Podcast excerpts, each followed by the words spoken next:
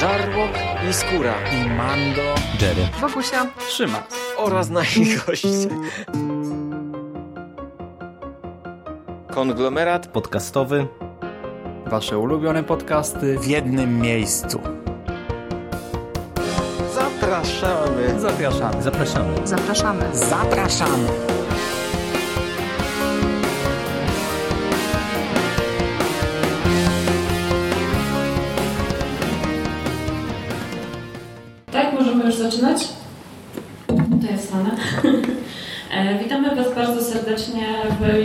Licznym karpiowo-konglowym e, składzie. Chcielibyśmy dzisiaj opowiedzieć Wam o strasznych ufolutkach mm, i trochę więcej o takich poważniejszych rzeczach, o kosmicznym e, horrorze. Mm, Zaczniemy od takich trochę banalnych rzeczy, bo jeżeli myślicie o horrorze i zdarzeniu e, horroru z kosmosem, to na pewno wyobrażacie sobie jakieś potwory i faktycznie bardzo dużo horrorów, także czy literackich, czy filmowych, czy też w grach komputerowych i innych. E, Bardzo często horror kosmiczny to jest po prostu jakiś straszny potwór z kosmosu, e, który no, wiadomo, że w jakiś tam sposób się różni od innych licznych e, potworów horrorowych. Niemniej jest to dosyć takie być może zwyczajne, palpowe.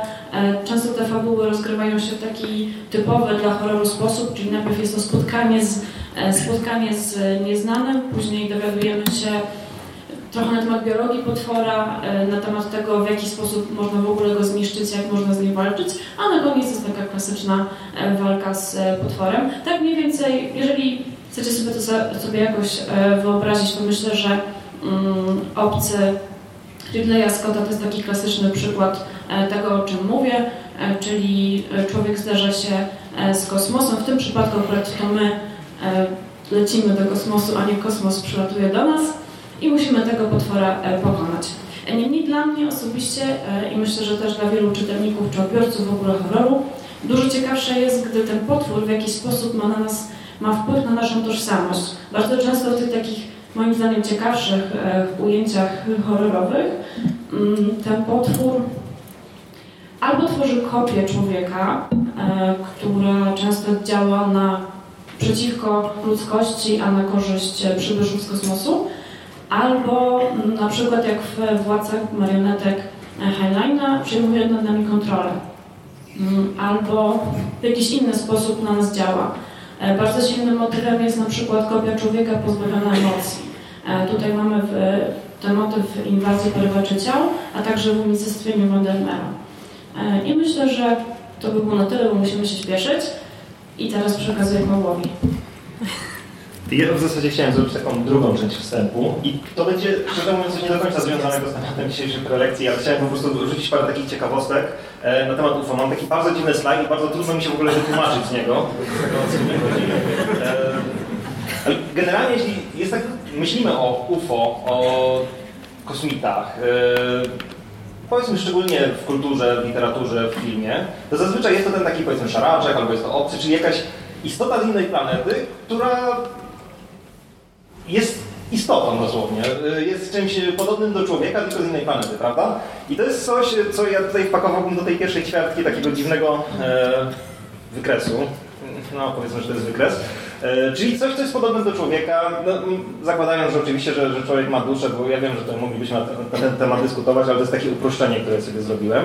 I takim fajnym, ale niekoniecznie pewnie wiarygodnym reprezentantem, reprezentantem powiedzmy tego jest Daniken, którego pewnie wszyscy kojarzycie, taki, taki śmieszny pan, któremu tutaj dorobiłem czerwone oczy.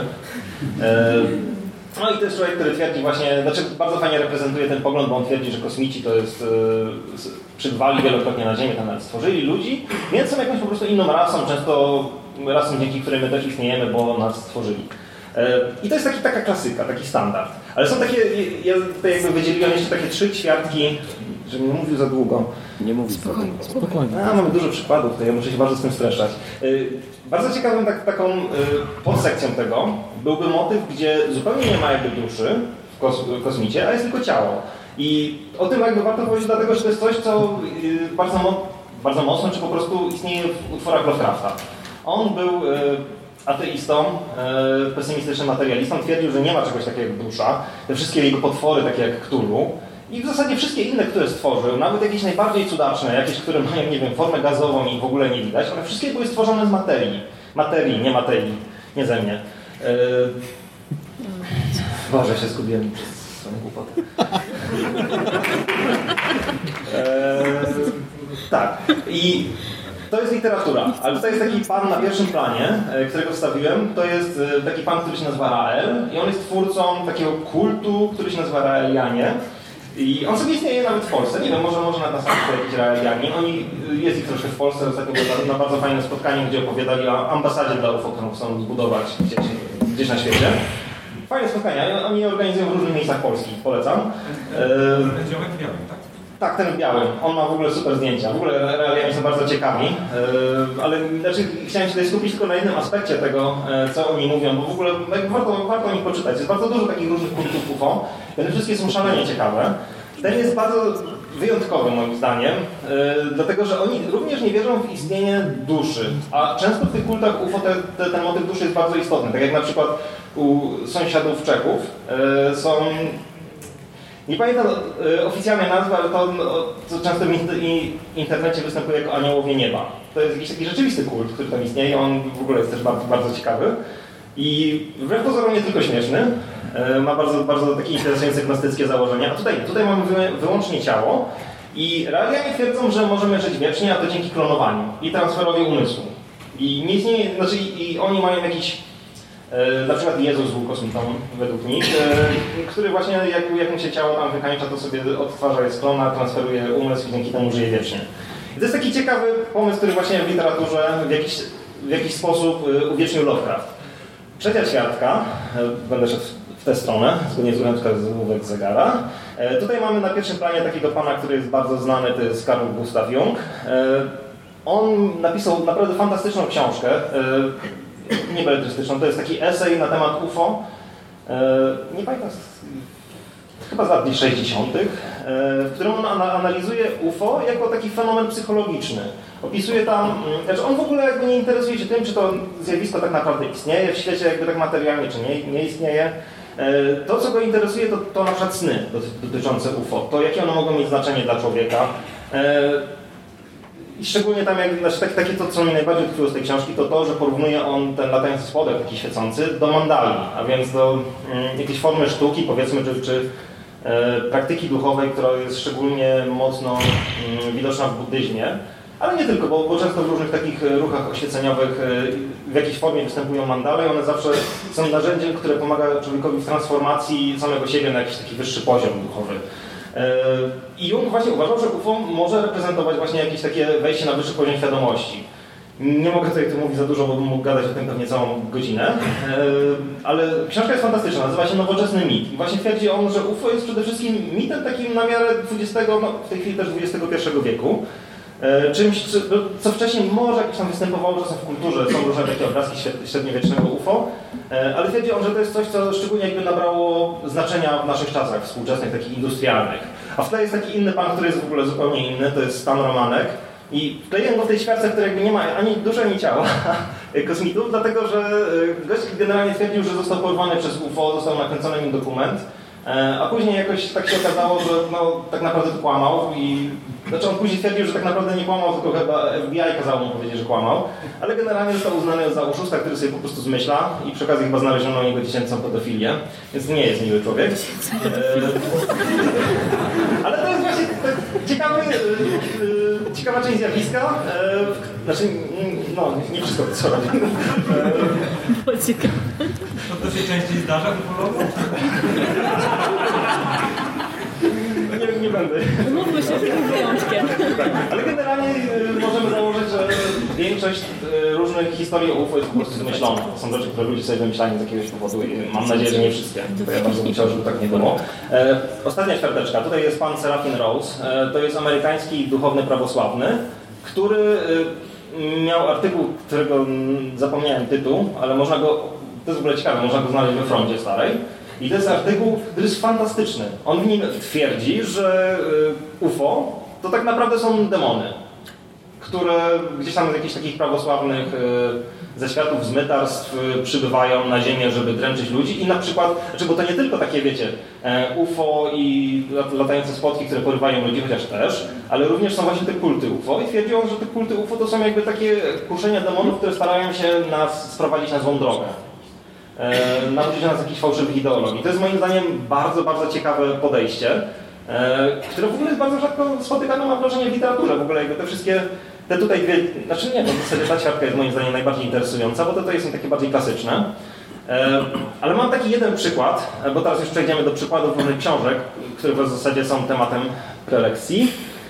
10 minut, super. E, tak, i pierwszym przykładem jest op- opowiadanie Artura Machena, o którym opowiadałem wczoraj na prelekcji o 23. Zapraszam. Y, y, To jest opowiadanie, które w ogóle jakby nie jest samo w sobie UFO. Ja go nie czytałem, znaczy czytałem je wczoraj z myślą o prelekcji, którą robiłem nauczyciela Lovecrafta i miało być po prostu, y, to jest opowiadanie takie o objawieniach duchowych, które się dzieją w jakimś takim małym walijskim miasteczku, gdzie ludzie widzą anioły, słyszą jakiś dzwon, jakieś od- odległych mistycznych kościołów doznają różnych e, objawień i był tam fragment, który po prostu przeczytałem sobie i myślę, wow, przecież to jest idealne, żeby zacząć w ogóle tą dzisiejszą prelekcję. E, Jest to fragment, gdzie na niebie, w trakcie tych wszystkich jakby takich tajemniczych objawień pojawia się coś, co zostało nazwane, jeszcze tak to zaznaczyłem, e, czerwoną różą, czy coś takiego, ognistą różą, tak to, tak to było. Tak nazwali to mieszkańcy, którzy jakby obserwowali to zjawisko. I to było po prostu coś, co teraz nazwalibyśmy latającym spotkiem. Jakiś świecący obiekt, który latał po niebie bardzo szybko, bardzo nieregularnie. E, Gdzieś tam się pojawił bardzo blisko, był takim wielkim płomieniem światła, czy, jakimś takim okręgiem światła. E, I później sobie zniknął, ale to jakby miało bardzo duży e, związek z tymi objawieniami. To był jakby jeden z rodzajów, w jakich się one manifestowały. I to jest bardzo ciekawe, bo to nie jest jakby podejście, które jest e, powszechne w literaturze, a mm, no jakby to jest troszkę, mo- może, o, ten slajd sobie przeskoczyłem, to jest właśnie z tej książki z innych światów Machena, bardzo polecam. I to jest ciekawe, że, to w zasadzie tutaj wchodzi nam w to, co mówił Jung. E, To jest e, UFO jako jakieś e, objawienie, ale też jakby jakaś transformacja duchowa. I to w zasadzie jest chyba jedyny przykład z tej jakby powiedzmy ćwiarteczki, który mógłbym znaleźć. I o, to jest opowiadanie z 1915 roku, więc no taka klasyka literatury. Ale teraz jakby chciałem się cofnąć jeszcze o ile? Chyba kilkanaście lat. Do książki, która jest chyba jeden z najbardziej klasycznych motywów inwazji z kosmosu, e, czyli do Wojny Światów e, Wellsa. To jest książka, która jest, mam wrażenie, już tak bardzo klasyczna, że w zasadzie już wielu ludziom się nie chce jej czytać, bo, bo to już taka trochę nuda, taka sztampa, którą w zasadzie wiele razy widziało się w różnych ujęciach mm, czy adaptacjach, że jakby niekoniecznie pamięta się o tym, że istniał jakiś oryginał. E, Zostało chyba w zeszłym roku, tak? E, Wznowione przez wydawnictwo Vesper i okazuje się, że książka, którą ja, ja to czytałem kiedyś jako nastolatek i zupełnie zapomniałem, teraz jak sobie to odświeżyłem, to książka jest absolutnie fantastyczna. Jest, y, jeśli, a na pewno lubicie Lovecrafta, to jest książka, w której bardzo mocno czuć takiego ducha Lovecrafta, e, tych je, jego kosmitów, tylko że jakby y, jeszcze we wcześniejszej formie. No ja po prostu uważam, że Lovecraft na pewno to czytał i na pewno było, była to dla niego duża inspiracja. Y,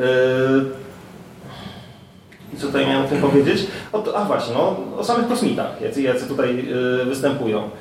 Ciekawe jest to, że jakby Wells suger- sugeruje, że te jakby dziwne istoty, które tu widzimy na kładce, to jest jakby robot, w którym w środku jest jakaś taka duża kula, która jest ciałem tego kosmity. E, Oni jakby w atmosferze ziemskiej w ogóle nie byli w stanie się poruszać, bo byli za ciężcy. A przybyli z Marsa, bo o tym nie wspomniałem. E, I w jakiś sposób być może mają wspólnych e, przodków z ludźmi. E, Tylko, że no, gdzieś w procesie ewolucji, po tym jak, jak oddzielili się zupełnie od y, ludzi, czy albo my, my od nich, bo nie wiadomo z której to strony przyszło, poszli w zupełnie inną stronę. I ci kosmici są, no, bardzo, bardzo, bardzo ciekawy jest na nich pomysł, oni w ogóle nie mają żadnego układu chyba trawiennego, z tego co pamiętam, oni hodują sobie na swojej, na, na Marsie, na swojej planecie e, pożywienie, z którego wysysają krew prosto do swojego krwiobiegu, żeby odżywiać się tą krwią, żeby bezpośrednio. To jest moim zdaniem bardzo ciekawy motyw, a Nowel wpadł na to jeszcze w 1898 roku. I okej, no i, i przechodzimy do Lovecrafta, który jest pewnie mm, niekoniecznie pisarzem, który jakby y, pokazuje to, to UFO czy tych kosmitów w takiej formie, w jakiej teraz to znamy, ale pewnie jest najbardziej mimo wszystko znanym twórcą takich rzeczy. I moim zdaniem, znaczy to w ogóle jest chyba najlepsze opowiadanie e, Lovecrafta Kolor z innego wszechświata albo Kolor przez stworzy w starym tłumaczeniu. E, a można je znaleźć w Zgrozie w Damu już też takim dosyć... Kolor się niedługo może doczekać ekranizacji. A to chyba co chwilę się może doczekać. Nie? Ale ja, ja, dobrej. Ale no właśnie bardzo trudno takie opowiadanie dobrze, dobrze myślę, zekranizować. e, Ciekawe, bo... jaki kolor miałby kolor z przestworzy. Czy co? Jaki kolor miałby kolor z No przestworzy? właśnie, jaki kolor jakby kolor z przestworzy, bo tam był kolor, którego w ogóle jakby ludzie nie są w stanie do końca określić w ogóle jak on wygląda. Jest poza spektrum, więc No, znaczy w ogóle tak naprawdę nawet sam kosmita jest tutaj, właśnie to jest bardzo ciekawe, kosmita tutaj istnieje w formie gazowej. I znaczy tak naprawdę nie widać go, tam spada na ziemię meteoryt, który w ogóle też jest z jakiegoś zupełnie innego rodzaju materii, którego przynajmniej wtedy w 1927 roku naukowcy, którzy przybyli go zanalizować, w ogóle nie wiedzieli, co mają z tym zrobić. E, To, to gdzieś tam w ogóle nie poddawało się to żadnym ich testom, a później sobie wyparowało. E, A przy okazji jakby rozgrzebując ten meteoryt, znaleźli w środku jakąś taką właśnie dziwną, błyszczącą kulę, którą chyba przypadkiem rozwalili, ona sobie pękła i coś właśnie z niej wy- wypłynęło, czy, czy, czy wyszło w atmosferę. No i uwolnili po prostu tego kosmitę, który dookoła zrobił po prostu straszne zniszczenia. E, No i tutaj jakby w ogóle trudno szukać jakiegokolwiek pokrewieństwa z człowiekiem tych istot. To, to jest jakby tutaj Lovecraft bardzo mocno starał się pokazać, że ci kosmici to jest coś e, absolutnie innego, co przybyło z jakichś bardzo odległych rejonów kosmosu i nie, nie ma w ogóle jakiejś możliwości porozumienia się z tym jakiejkolwiek. Tam ludzie, oni jak popadali w szaleństwo pod wpływem tego e, takiego wampiryzmu energetycznego, który kosmici na nich, czy kosmita, kosmici, nawet nie wiadomo, na nich wywierali, to ludziom wydawało się, że oni jakby coś rozumieją cel tych kosmitów, tak? Teraz w sumie jak o tym wspomniałeś, to anihilacja, która teraz tyle wyszła, jest Diablo podobna. Będzie o tym, ale to później. I nie, ale to nie będę mówił. ale będzie. E, dobra, to to jest zgroza. E, czy kolor w zasadzie. E, drugie opowiadanie to Szepczące w ciemności. E, to zresztą też znajduje się w tym tomiku, ale tutaj chciałem różne płatki pokazać. E, też bardzo fajny tomik ze Cthulhu. Mm, w Szepczącym właśnie, znaczy dlaczego tutaj jakby drugie, drugie opowiadanie Lovecrafta? Dlatego, że tutaj jest zupełnie już inny rodzaj kosmitów. Pewnie kojarzycie, że Lovecraft miał całą stworzoną swoją mitologię Cthulhu. No, jeszcze, jeszcze jest w porządku. Całą mitologię Cthulhu, która jednocześnie wydaje się, że to jest jakiś taki spójny system, chociaż wcale nie był tak naprawdę. Przynajmniej on nie starał się tworzyć jakiegoś czegoś mega spójnego, później zostało to przez innych e, tak zbudowane. E, ale ten kosmita w porównaniu do tego poprzedniego to jest coś zupełnie innego. Tutaj mamy rasę Migo, która y, w ogóle jest też, to, jest, to jest szalenie ciekawy motyw moim zdaniem. Oni poruszali się w kosmosie przy pomocy skrzydeł bez, bez żadnych statków kosmicznych. No też pewnie wynika to z tego, że jest to opowiadanie z 1930 roku, a więc jeszcze przed tym nim e, były jakieś obserwacje w czasie, e, to chyba w czasie II wojny światowej były te Fighters, te jakieś latające światła, które ścigały się z samolotami. To, więc to było jeszcze przed tym, więc y, jakby wyo- wyobraźnia ludzi pewnie miała tutaj troszkę większe pole do popisu. Mm, No i to jest w ogóle bardzo, bardzo ciekawy pomysł, prawda, że kos, kosmici poruszali się na skrzydłach w kosmosie. Z tego co pamiętam z mitologii Lovecrafta, to tam było, że nad atmosferą jest jakieś morze eterów, które latały. Być może tak, ale przyznam, że akurat tego nie, nie, nie, pamiętam, bo ja nie jestem jakimś specjalistą od tej mitologii. E, Co jest tutaj ciekawe, to to, że oni znowu współpracują z ludźmi. Co prawda ludzie tak wiadomo, jak to, jak to u Lovecrafta, oni bardzo, bardziej chcą się płaszczyć przed tymi kosmitami, są takimi e, bardziej zawsze tymi kultystami, jakimiś pomocnikami. Też po prostu kosmici mają swoich takich zaufanych ludzi, którzy im pomagają, a w zamian na przykład e, dostają bardzo fajny prezent w postaci tego, że ich mózg zostaje wyjęty z głowy, włożony do jakiegoś pojemnika i z nimi sobie może latać w kosmos. Jest... kto by nie chciał. Kto by nie chciał? Można fajne rzeczy na pewno zobaczyć. Dostawali w, tym, w tej jakiejś takiej dziwnej skrzyneczce, do której był ich mózg włożony. Tam mieli jakby nowe zmysły, dzięki którym mogli sobie obserwować świat i latali razem z tymi kosmitami gdzieś tam bez statków kosmicznych sobie w kosmosie. Fajnie. E, trzecie opowiadanie to już w ogóle chyba takie najbardziej znane, jeśli chodzi o... E, aha, tutaj jeden slajdzik wcześniej, który pokazuje e, jakąś ilustrację właśnie tych migo. To, jest, to w ogóle wcześniej przypomina tych takich szaraczków, które najczęściej gdzieś występują w współczesnej kulturze. A z drugiej strony mamy starsze istoty, które jakby są takim kluczowym motywem kolejnego opowiadania, o którym chciałem powiedzieć. To jest przedostatnio Love- Lovecrafta, o którym będziemy mówić. E, Tutaj mamy wyprawę badawczą na Antarktydę, e, w czasie której ekipa e, badawcza odkrywa najpierw ogromne góry, które są wyższe od Himalajów, a w tych górach jakieś takie starożytne miasto, które ma miliony lat i zostało stworzone przez rasę kosmitów. Znaczy właśnie, to jest, to jest ciekawe, że kosmitów, którzy przybyli na Ziemię przed ludźmi, więc tutaj jakby nie można powiedzieć, że oni zrobili na nas inwazję, bo jeszcze wtedy byliśmy takimi bardziej małpami. E, Więc oni, oni przed nami sobie tutaj e, królowali na ziemi, budowali swoje miasta i swoją cywilizację i Lovecraft opisuje ich jako cywilizację dosyć podobną do tej, którą stworzyli ludzie. E, Ludzie obserwujący w tym opowiadaniu jakieś różne rzeźby, które zostały po tej cywilizacji, w zasadzie są w stanie mniej więcej zrozumieć ich cykl życia, ich kulturę, a przynajmniej wydaje mi się pewnie, że, że byli w stanie ją zrozumieć. Ale co tu jest, jest moim zdaniem bardzo, bardzo ciekawe, to to, że ci kosmici musieli odpierać inwazję z kosmosu innych kosmitów. E, czyli Ktulu na przykład i jego pomiotów, jak to jest tam ładnie chyba opisane, którzy sobie też przybyli na Ziemię i też sobie chcieli na Ziemi mieszkać i starsze istoty musiały z nimi walczyć. Tak samo jak musieli walczyć z tą rasą Migo, którą tutaj też widzieli, widzimy, którą Lovecraft opisywał w Szepczącym w ciemności. Jest jeszcze jedna rasa kosmitów, y, która... No nie, właśnie, o, to, to jest ciekawe, bo to nie są kosmici, szogoty. Dlatego, że szogoty to są istoty, które e, starsze istoty stworzyły na Ziemi. Z jakieś, jeśli pamiętam, z nieożywionej materii, to były jakieś, jakieś istoty, które miały być ich pomocnikami, takimi żywymi robotami, a z czasem nabrały inteligencji, się zbuntowały i stały się bardzo niebezpieczne. No więc ciekawe, bo jakby dla nas to jest coś, co odruchowo myślimy o tym jako o kosmitach, a to też żyło na Ziemi w zasadzie, jak ludzie jeszcze byli bardzo prymitywni. Okej, to z moich slajdów na razie tyle, teraz Jerry. E, Tutaj Paweł opowiadał dużo o różnych formach, jeżeli chodzi Aha, to chcesz. e, o, o, o, o e, kosmitów u Lovecrafta. Nie, nie tak. Nie działa, nie działa? To weź tam. Już powinno być. Mm, e, I mieliśmy te tych kosmitów, którzy bardziej się kojarzą nam właśnie z tymi bóstwami, tak jak Paweł wspominał, okultyści te sprawy. E, Mieliśmy potwory, mieliśmy, nie wiem, inwazję, tak jak u Wellsa. Natomiast opowiadanie, o którym ja bym chciał wspomnieć, czyli Wezwanie z innego świata, które nie jest stricte opowiadaniem Lovecrafta, bo on go napisał, e, napisał ten tekst kolega, z kolegami, między innymi z Robertem Howardem. E, Oni to pisali w takiej formie naprzemiennej. I w tym opowiadaniu są dwie ciekawe rzeczy. E, Po pierwsze, mm, właśnie Lovecraft wprowadził do tego tekstu e, specyficzną rasę kosmitów, takich rasę kosmicznych wijów, która podróżowała w czasie i przestrzeni w ten sposób, że budowała takie kostki, e, wysyłała tam swoją świadomość, e, na chwilę trafił w kosmos, bo oni tymi kos- kostkami nie mogli sterować. No i jedną taką kostkę znalazł mieszkaniec Ziemi, e, został wciągnięty do tej kostki, bo te kostki działały tak, że tam mogły przyjmować właśnie te formy życia na, na innych planetach, no i albo, nie wiem, doprowadzić do jakiejś inwazji, przejąć kontrolę nad światem czy cokolwiek innego. E, A tutaj e, po raz pierwszy w tych tekstach, o których dzisiaj Wam wspominamy, mamy motyw tak naprawdę odwróconej inwazji. Dlatego, że Lovecraft swój fragment e, poprowadził w taki bardzo Lovecraftowski sposób, czyli że mamy przyjęcie, czy wciągnięcie tego umysłu tego ziemskiego podróżnika do tej kostki.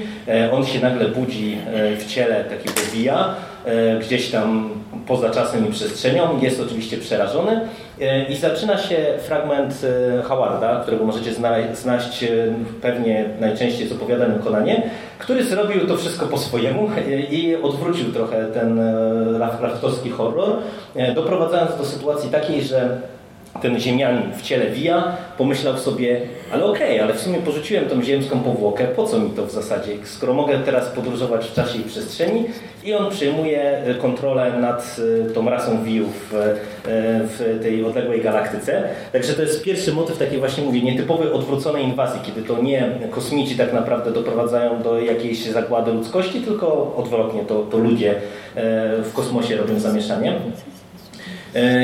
Przechodząc do innych klasycznych tekstów, e, coś e, Johna Campbella, e, czyli Who Go- to jest opowiadanie z 1938 roku i ja Wam powiem, że kiedy je czytałem, to szczęka mi opadła, że ono jest już z 1938 roku, bo ten tekst absolutnie się nie zestarzał.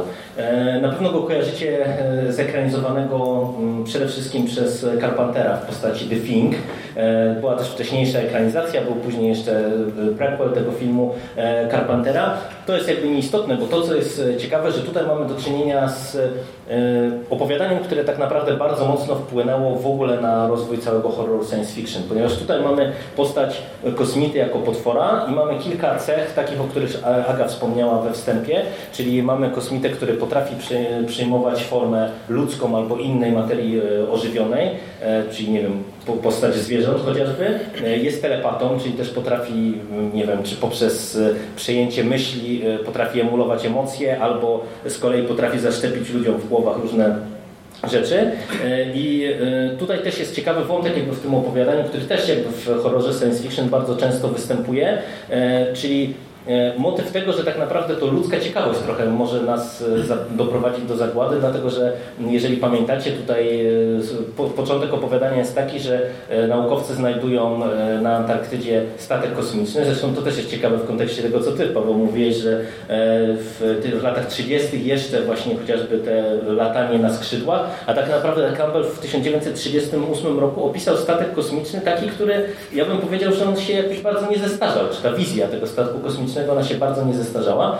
E, znajdują gdzieś tam zamarznięte ciało kosmity i postanawiają je odmrozić, bo tak, bo nauka e, jakby wymogła na nich, e, czy wpoiła im to, że trzeba zbadać to, że jakby nie doceniają tego, że to może być niebezpieczne w pewien sposób. A ten tekst jest szalenie wpływowy, bo on uformował i zainspirował bardzo wielu różnych pisarzy, którzy się wzorowali na tym tekście i na ekranizacji Carpentera. Peter Watts, który był gościem Pyrkonu dwa lata temu, e, stworzył opowiadanie The Things, które e, odwraca tak naprawdę perspektywę. Jest tym samym tekstem, tylko z perspektywy potwora. Bardzo polecam u nas do przeczytania w internecie za darmo, także możecie po nie sięgnąć. A ciekawostka tak na, na koniec, tak naprawdę bodajże w zeszłym roku odkryto e, dodatkowy fragment tego tekstu i on został w marcu, teraz chyba 4 marca wydany w e-booku jako Frozen Hell. Tam okazało się, że był znany, czy ten tekst był poszerzone o, o dodatkowy wstęp, dodatkowe jakieś fragmenty, także też można się z tym zapoznać. E, inną nietypową e, pozycją, jeżeli chodzi o, ale klasyczną pozycją, jeżeli chodzi o e, horror i UFO, to są kroniki marsjańskie.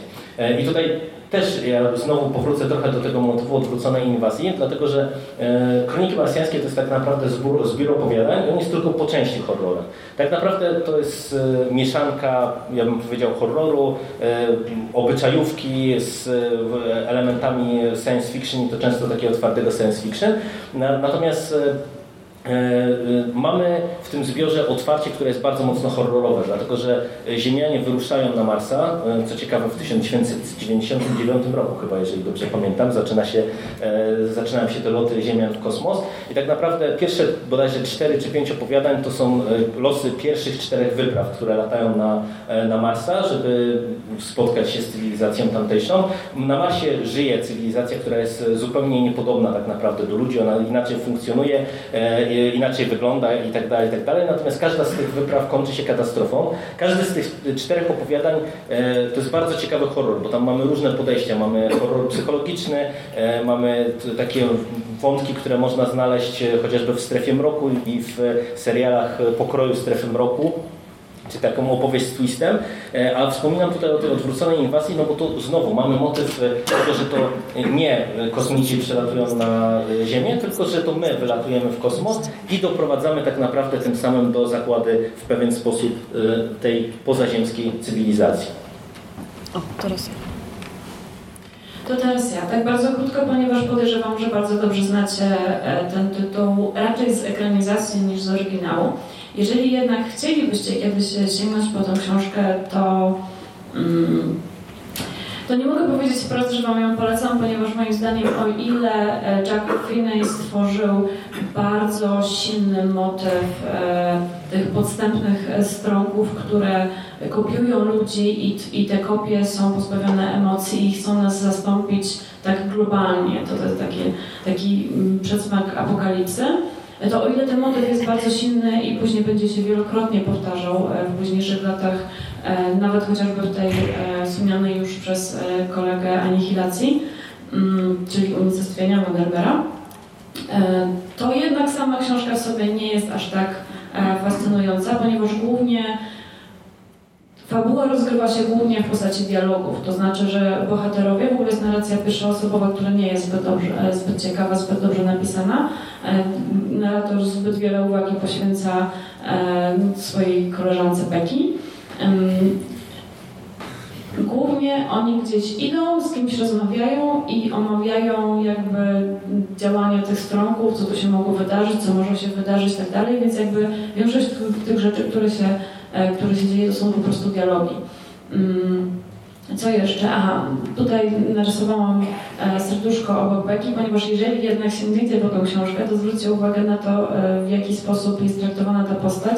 To znaczy ona służy tylko temu, żeby żeby narrator miał sobie z kim chodzić, a w momencie, kiedy oni docierają do jakiejś innej osoby, która najczęściej jest po prostu mężczyzną, to mężczyźni rozmawiają, a Becky najwyżej czasami e, krótko skomentuje, że strasznie się boi, ojej, to straszne i, i tak dalej.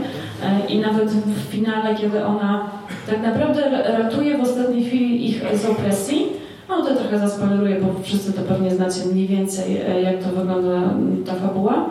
To nawet wtedy e, jakby mm, jest, jest powiedziane wprost, że, że, że może to zrobić tylko dlatego, że nikt na nią nie zwróci uwagi, bo jest kobietą.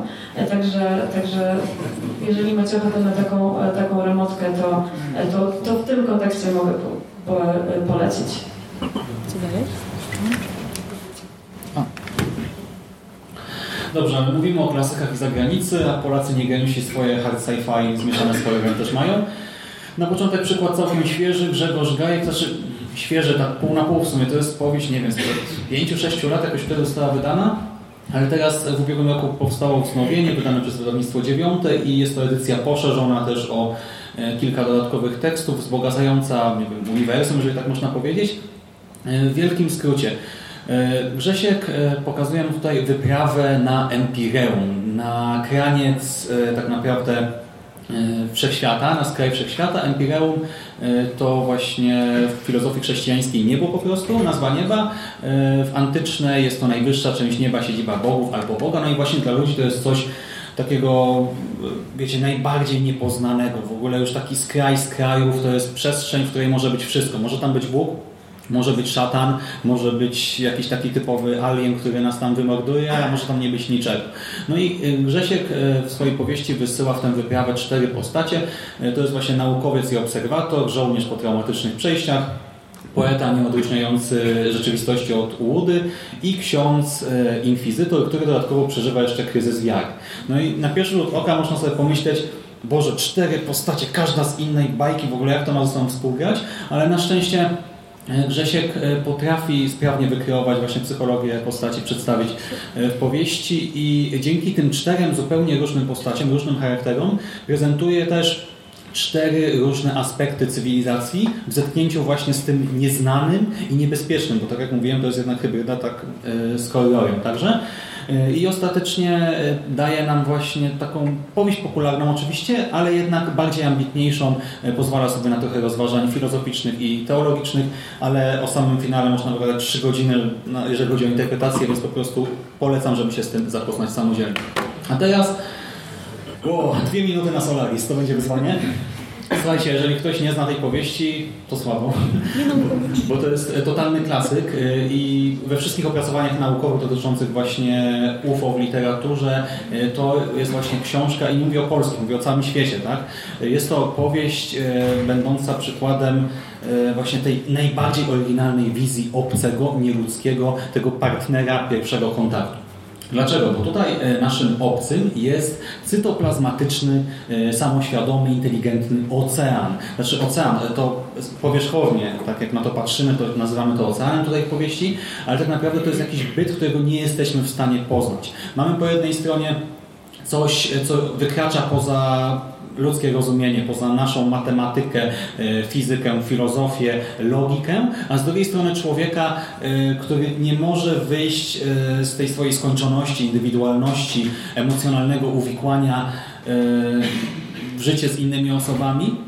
I jest to powieść o dramacie poznania, o tym, że tak naprawdę nie jesteśmy w stanie eksplorować kosmosu, nie jesteśmy w stanie doprowadzić do porozumienia, do jakiegokolwiek kontaktu właśnie takiego dwustronnego z tymi bytami pozaziemskimi. E, nasz ocean próbuje się skomunikować z ludźmi poprzez właśnie e, ich e, sposób rozumienia świata. Wyciąga z psychiki bohaterów różne obrazy i tworzy właśnie takie neutrinowe fantomy, tak zwane twory F, w postaci też na przykład ludzkiej, przez które próbuje się z nimi komunikować, ale to jest tylko kolejny przykład na to, że my nie jesteśmy w stanie niczego osiągnąć w kosmosie, tak? Że jesteśmy tak mocno uwikłani w te nasze ziemskie sprawy, że nawet gdzieś tam w tym kontakcie to wychodzi na pierwszy plan i nawet jeden z naukowców tutaj z badaczy mówi wprost, że ludzie wcale nie chcą eksplorować, badać czy podbijać kosmosu, ludzie chcą tylko powiększać Ziemię, tak?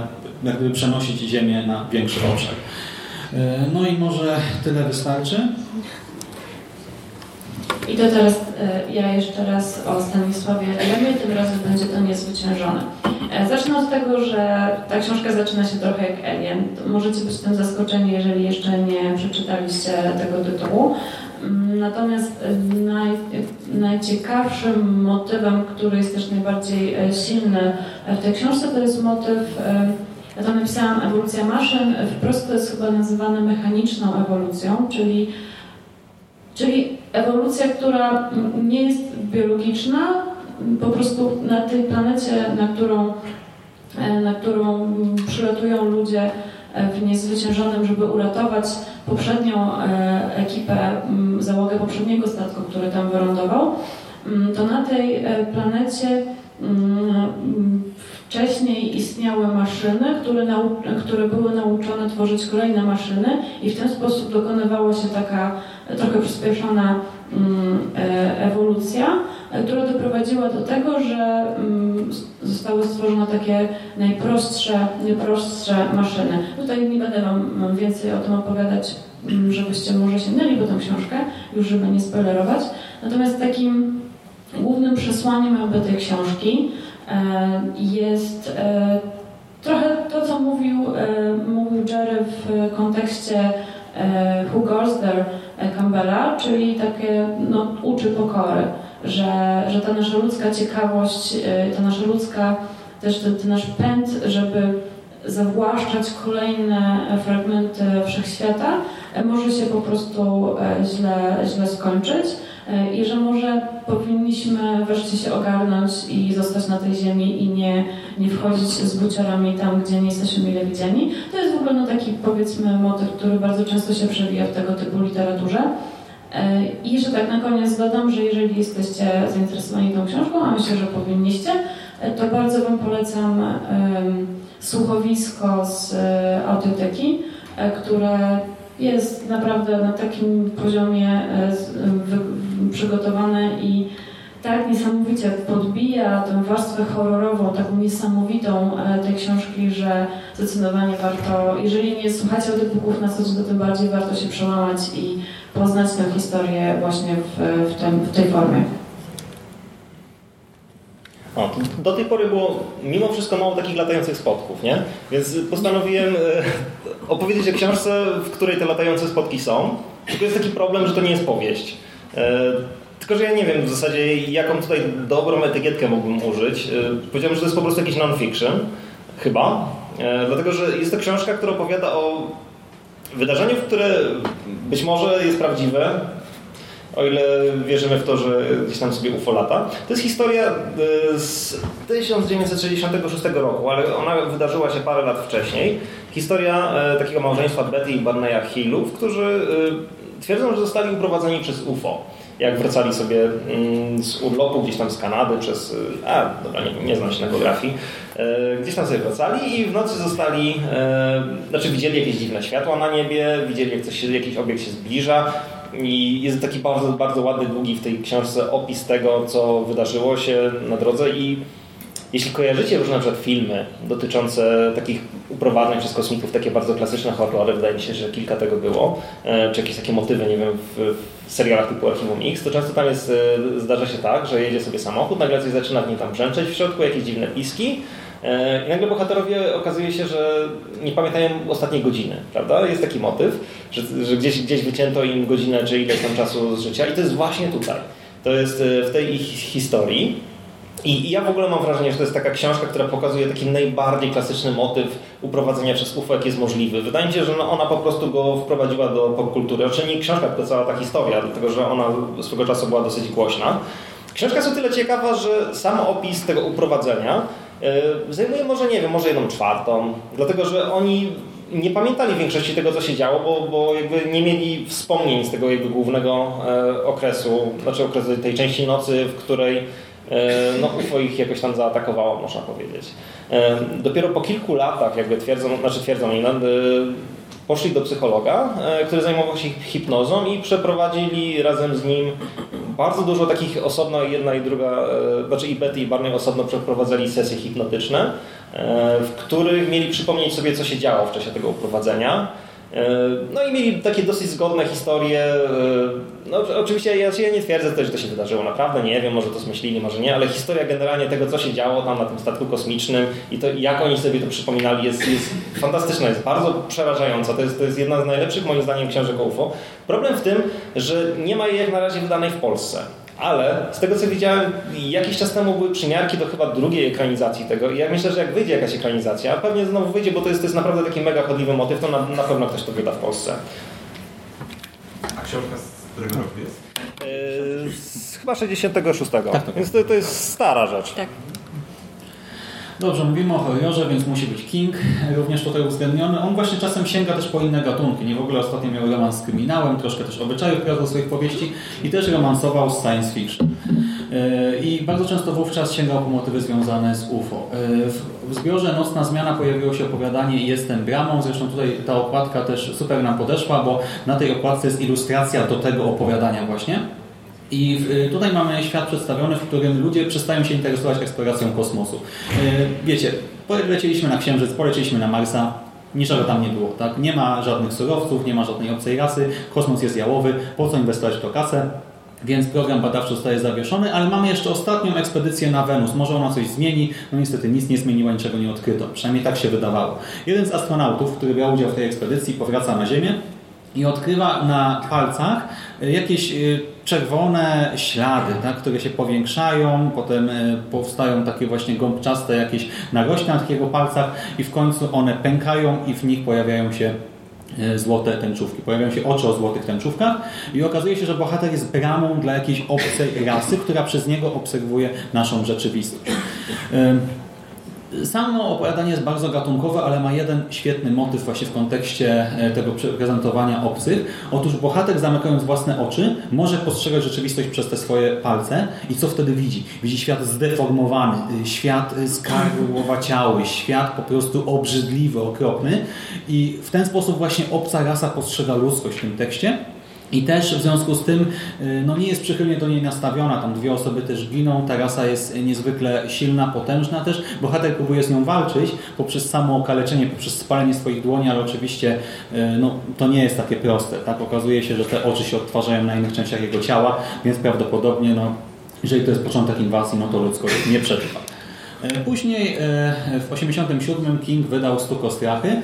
Jest to powieść no nie najlepiej przyjmowana przez czytelników i krytykę. Zresztą sam King przyznał kilka lat temu dosłownie w wywiadzie dla Rolling Stone, że no, pisał ją będąc cały czas pod wpływem jest najmniej zadowolony z całej swojej twórczości właśnie z tej książki.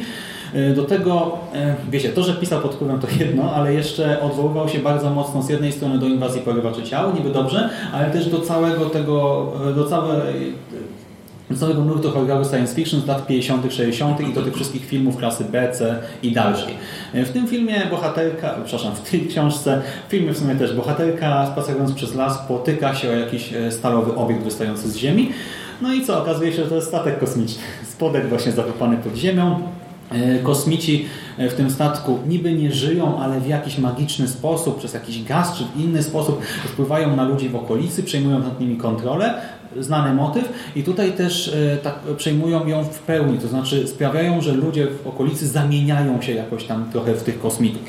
E, Ludzie zyskują geniusz, ale wziąłem to w cudzysłów, ponieważ on jest dość mocno ograniczony. Chodzi o to, że oni konstruują genialne wynalazki z rzeczy, które mają w swoim otoczeniu, ale to nie jest tak, że nagle mają jakieś bardzo wysokie IQ, że coś się zmienia w ich nie wiem, etyce, moralności. Nie. Chodzi tylko o, tą, o te wynalazki.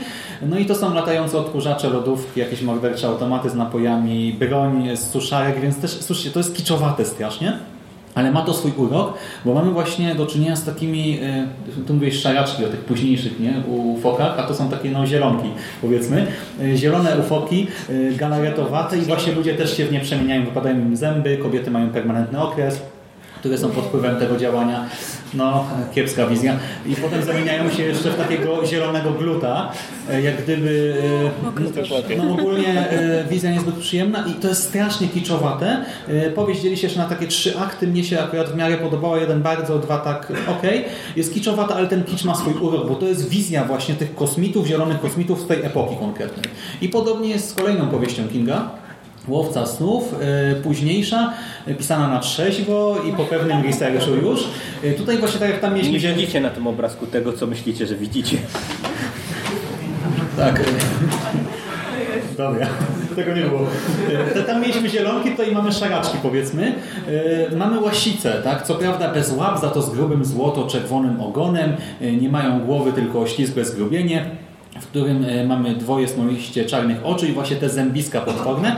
E, Mamy inwazję, w trakcie której w naszym ciele lęgną się właśnie takie łasicowate stwory. Sprawiają, że mamy potworne gazy, ale w ogóle tam są opisy na praktycznie trzy strony tych gazów, jak się pojawia pierwszy taki bohater e, zarażony i potem ta łasica wychodzi przez odbyt e, w trakcie załatwiania się przez bohatera, wyżara oczywiście nasze organy wewnętrzne, takie bardzo przyjemne wizje, trochę horroru cielesnego też mamy, jeszcze zostawia taką złocisto-czerwoną pleśń, e, która dodatkowo wysyła takie zarodniki, które mają też wpływ na człowieka. No ogólnie bardzo niebezpieczna rasa kosmitów, która łatwo może nam zrobić kuku. E, No ale tutaj już wiecie, to jest trochę ta późniejsza epoka, też właśnie z archiwum Mix, e, te rejony, e, wszystkie te organizacje, rządowe są zamieszane oczywiście w sprawy związane z kosmitami. Tutaj też mamy reakcję armii, która po prostu przeprowadza kwarantannę i rozkaz jest prosty. Mamy wyeliminować kosmitów i wszystkich świadków. Tyle. No i właśnie to też jest ciekawa wizja tej już trochę późniejszej epoki i wizji tego, jakby to wyglądało, gdyby do inwazji naprawdę doszło.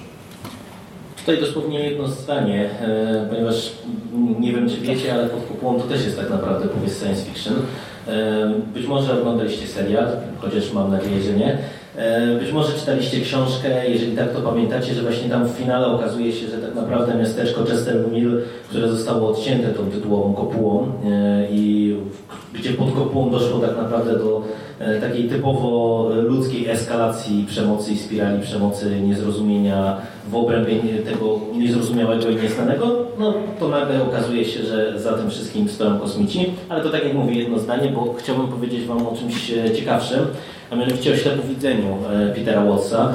E, To jest powieść, która jest powieścią z gatunku hard sci-fi i ona jest bardzo mocno hard, jeżeli o to chodzi, dlatego że Peter Watts ma obsesję podejścia bardzo, bardzo mocno naukowego.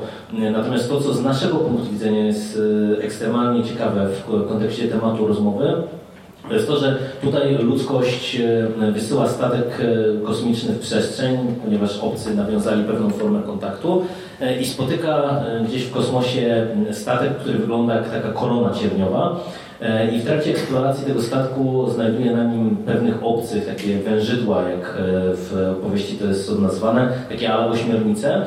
E, I to jest ciekawa jakby wizja kosmitów, dlatego że tutaj po raz kolejny wracamy do takiego pierwszego kontaktu z obcym, który wymyka się kompletnie ludzkiemu poznaniu. Dlatego, że e, tak jak Szymas wspominał e, chociażby przy Solaris, w przypadku ślepowidzenia mamy motyw próby porozumienia się z tymi wężydłami i, i z tym statkiem, z tą kroną cierniową i teoretycznie też ludziom, naukowcom wydaje się, że ci kosmici odpowiadają, e, po czym się nagle okazuje, że to tak naprawdę jest kasus chińskiego pokoju, czyli tak naprawdę e, kosmici odpowiadają trochę na bazie tego, o co my ich pytamy. I to jest taka rozgrywka, która nagle okazuje się w którymś momencie, że, że najprawdopodobniej ci kosmici nie są w ogóle świadomi. Oni nie, nie dążą świadomie do, do jakichś e, morderczych celów, e, a my nie jesteśmy się w stanie kompletnie, kompletnie z nimi skomunikować, bo mamy do czynienia z czymś po prostu wymykającym się możliwościom ludzkiego umysłu.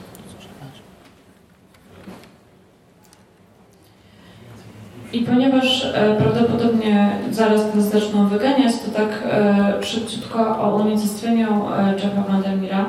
E, tak, przede wszystkim musicie się przygotować e, na to, że ta książka to jest taki klasyczny witch fiction, więc jeżeli spodziewacie się tam nie wiadomo jakich fajerwerków i tak dalej, Ale to nie napisane, prawda? W ogóle E, Przepraszam, tak Cię nie słyszę, a mamy dosłownie minutę. Później możemy pogadać sobie e, na przerwie. E, Tutaj są e, kopie ludzi, którzy, które też są e, pozbawione emocji i w zasadzie większości pamięci i są takimi troszeczkę zombiakami. Bardzo ważnym motywem tutaj też jest numinozum, czyli takie sp- spotkanie z czymś, co jest straszne, przerażające, ale jednocześnie absolutnie fascynujące. I słuchajcie, tak telegraficznym skrótem, bo już chyba nikt nie będzie mógł mówić, To tak, po- polecamy Wam jeszcze Dzień Tryfidu Johna Wickhama. Tam niekoniecznie wiadomo skąd się tryfidy wzięły, one prawdopodobnie nie są z kosmosu, natomiast kos- kosmos ma e, znaczenie, ponieważ e, przez kometę cała ludzkość została oślepiona i szczerze mówiąc, jeżeli Wam się wydaje, że straszne roślinki są strasznie śmieszne, to ta książka w większości jest straszna przez to, jak ludzkość nie potrafi sobie poradzić z tym, że nic nie widzi. I to jest świetna powieść post-apo, naprawdę świetna. E, I tutaj mm, to w zasadzie chyba nie polecamy tego, tylko chcieliśmy tak wspomnieć e, jako ciekawostkę. E, I zapraszamy do nas na, e, na Carpe Noctem, na konglomerat podcastowy i nawiązany podcast. Dziękujemy. You